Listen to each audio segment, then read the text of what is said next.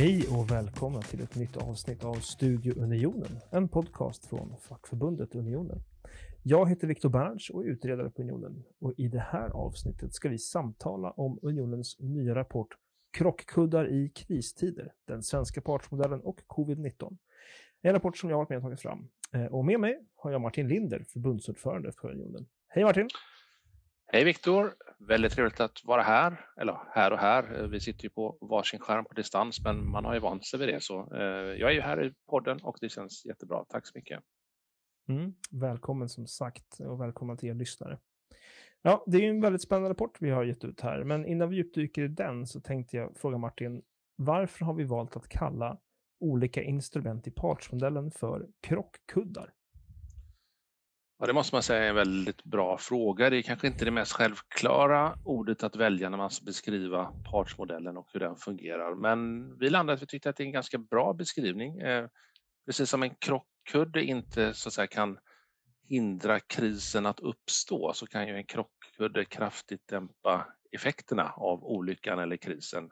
Eh, och det är precis det vi ser att partsystemet i mångt och mycket gör och också har gjort eh, Eh, i den här situationen vi har varit i och är i. Eh, och vi listar ju ett antal krockkuddar i den här rapporten eh, som finns inom ramen för partsystemet. Eh, korttidsarbete, inkomstförsäkring, omställningsorganisationerna och också den fackliga aktiviteten som, är, som viktiga krockkuddar.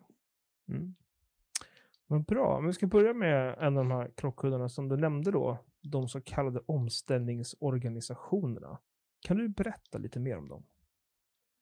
Ja, det gör jag mer än gärna. Eh, jag tänker ganska ofta på att det finns ju väldigt mycket bra i eh, det svenska partsystemet och saker vi har kollektivavtalat om. Men jag tycker verkligen att det finns några kronjuveler och eh, omställningsorganisationen är verkligen en av de här kronjuvelerna. För det är ju en effekt och en produkt av att det har bedrivits förhandlingar mellan fack och arbetsgivare eh, där vi har kommit överens i kollektivavtal om att vi ska bygga upp eh, omställningsorganisationer som därmed finansieras via överenskommelsen eh, i eh, kollektivavtalet. Och tittar man runt i Sverige så finns det drygt tiotal omställningsorganisationer på den svenska arbetsmarknaden. De större och mer kända är ju TRR, TCL och Omställningsfonden.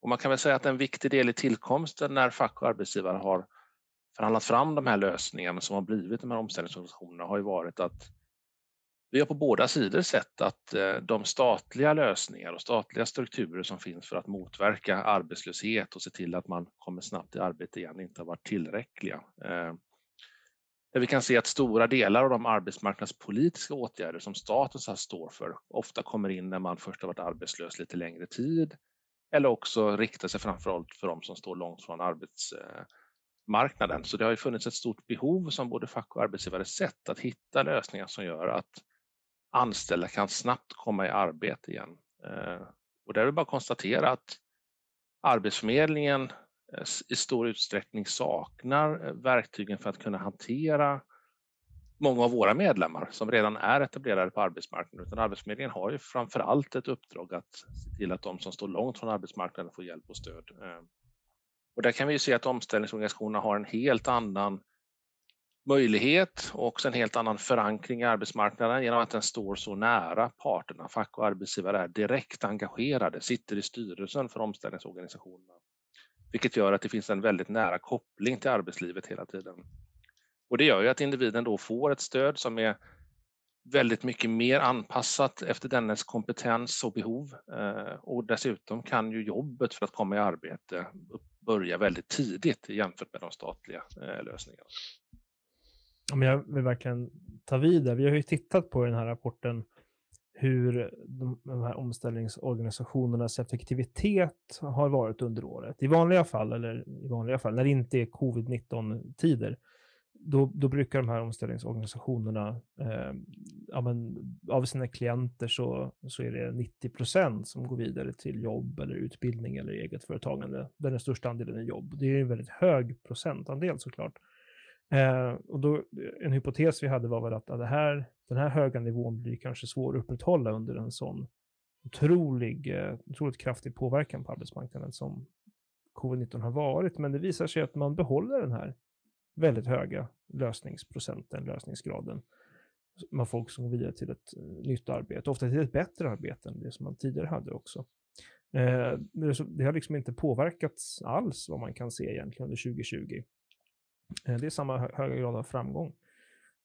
Och det där, de har ju själva de, I juni så tittade jag på en presskonferens med just TRR och TSL. De stod och pratade om arbetet och de sa att nej men vi, långt innan krisen, eller långt innan, när, när de såg covid-19 komma på någon sorts horisont så var de sådär, ja men det här kan nog få stora effekter, det är bäst vi börjar jobba nu. Och den framförhållningen har ju verkligen visat sig vara eh, lyckosam. Ja, nej, men det är verkligen otroligt, alltså för att även i vanliga tider så att säga, när man tar del av deras siffror och resultat om hur många man hjälper, många som kommer snabbt i arbete och precis som du sa, många kommer också i arbete som kanske är ett arbete som ger högre lön än man hade innan så brukar man ju nästan vara tagen av de siffrorna i vanliga fall och eh, när vi också kan se att man också i den här krisen har kunnat upprätthålla den nivån så är det ju verkligen fantastiskt och det tyder på att det är organisationer som verkligen är väl anpassade för sitt uppdrag och också väldigt flexibla i sitt arbetssätt och kan anpassa sig snabbt. Så är det något vi verkligen ska värna och utveckla på den svenska arbetsmarknaden så är det helt klart vår omställningsorganisation. Man kan säga en eh, väldigt väl fungerande krockkudde. En mycket bra krockkudde.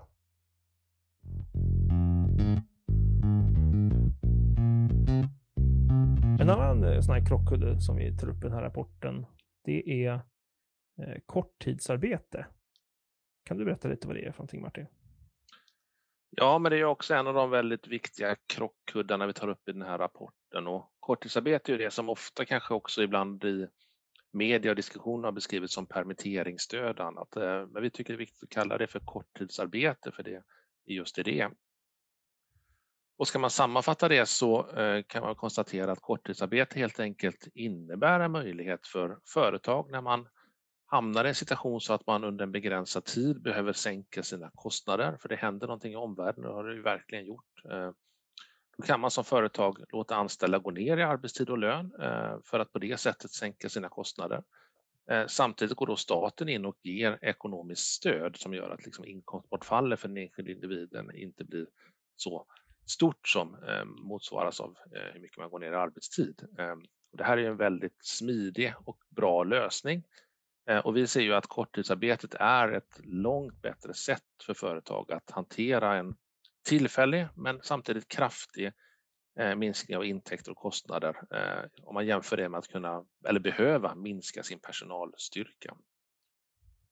För att när krisen sen väl är över, det är, de flesta kriser, nästan alla kriser kommer ju gå över, då kommer det vända och då kommer företagen snabbt behöva gå upp i produktion för att kunna Eh, Eh, producera och leverera eh, och på det sättet säkra jobben långsiktigt. Eh, och att då inte behöva gå ut och rekrytera efter man har sagt upp personal är ju en väldigt stor fördel, både vad det gäller pengar och tid men också för att få verksamheten att rulla på och funka på ett bra sätt.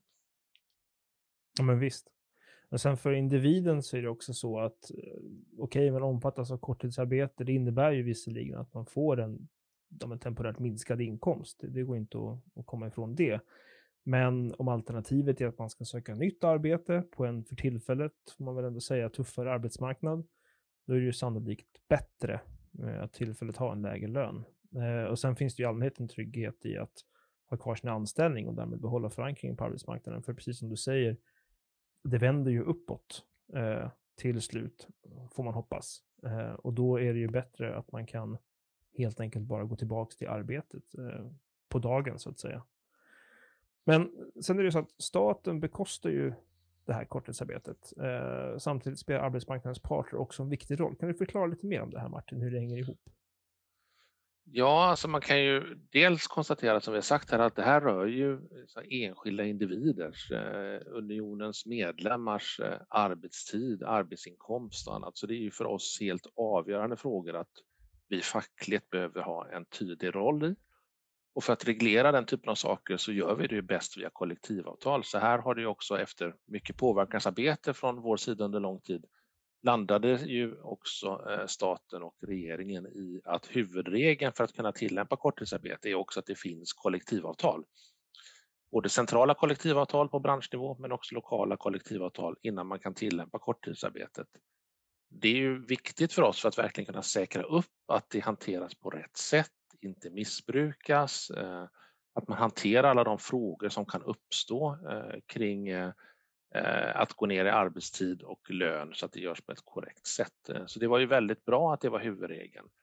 Men det gjorde ju också att det blev ett enormt tryck på oss som organisation. Vi kommer ju alla ihåg hur coronakrisen slog till väldigt snabbt och kraftfullt. Så under ett par väldigt intensiva veckor här så tecknade vi ju, jag kommer inte ihåg de exakta siffrorna, men säg att det var åtminstone ett 50-tal centrala avtal eh, under väldigt, väldigt kort tid och vi hanterade bara unionen under några veckor, en månad där, tusentals förhandlingar och tecknade tusentals eh, lokala avtal om korttidsarbete. Och det där var ju väldigt, väldigt viktigt för det var ju förutsättningen för att folk skulle kunna ha kvar sitt jobb istället för att bli uppsagda. Men det var också ett viktigt sätt för oss att kvalitetssäkra att det här skedde på ett så korrekt sätt som möjligt. Ja, alltså det var verkligen intensivt. Det går ju att se, om man bara tar alltså ökningen i, eh, jag tror att det är januari till juli, om man tar det halvåret, så har vi ju 155 procent fler eh, förhandlingsärenden bara unionen. jorden. Eh, så det ja, ger en indikation kring att vi hade, vi hade att göra, kan man säga.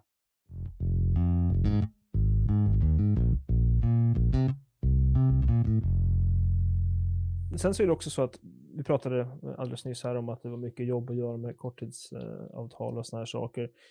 Någon ska ju också göra det här jobbet. Alltså det här är ju ingenting, det här systemet finns men systemet eh, sköter sig inte sig själv. Så systemet utgörs ju också av alla de personer som, som får systemet att fungera. Eh, jag tänker ju såklart på alla våra fackliga hjältar. Kan du prata lite om deras arbete Martin? Nej, men det är ju en av de här krockkuddarna som vi också pekar på i den här rapporten, just de fackliga hjältarna i det lokala fackliga arbetet. Då.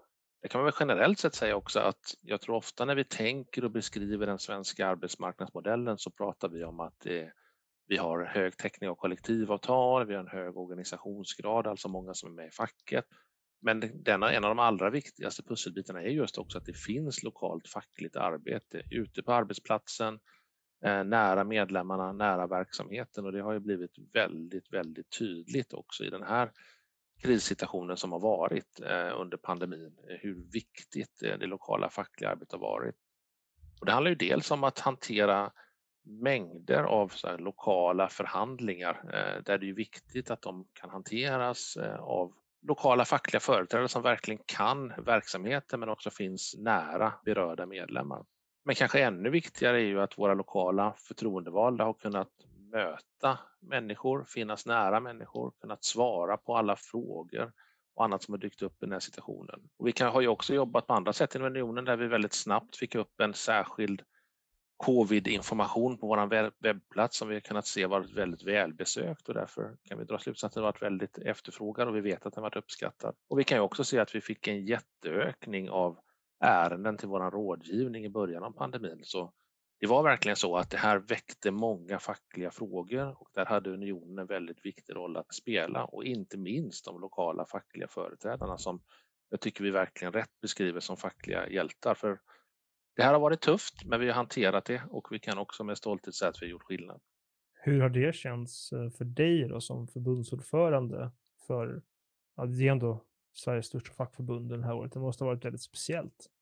Ja, det kan man väl lugnt säga att det varit väldigt speciellt. Alltså, jag tror att vi alla där i början på året när vi såg det här börja barka hän började fundera på vad ska det här leda till egentligen och eh, vi fick ju fatta eh, ganska många beslut där tidigt om att verkligen ställa om vår verksamhet och helt fokusera på att stödja våra medlemmar i den här situationen. Men vi kunde ganska snabbt konstatera att vi lyckades hantera det bra från omständigheterna. Medlemmarna har vänt sig till unionen. Medlemmarna uppfattar att, att de har fått stöd och vi har också kunnat se att det har tillströmmat väldigt mycket nya medlemmar till unionen, vilket också är ett kvitto på att det det vi gör är viktigt. Det vi gör är verkligen viktigt. Och vill du veta mer om det här arbetet så kan du hämta hem rapporten Krockkuddar i kristider, den svenska partsmodellen och covid-19 från Unionens webbplats.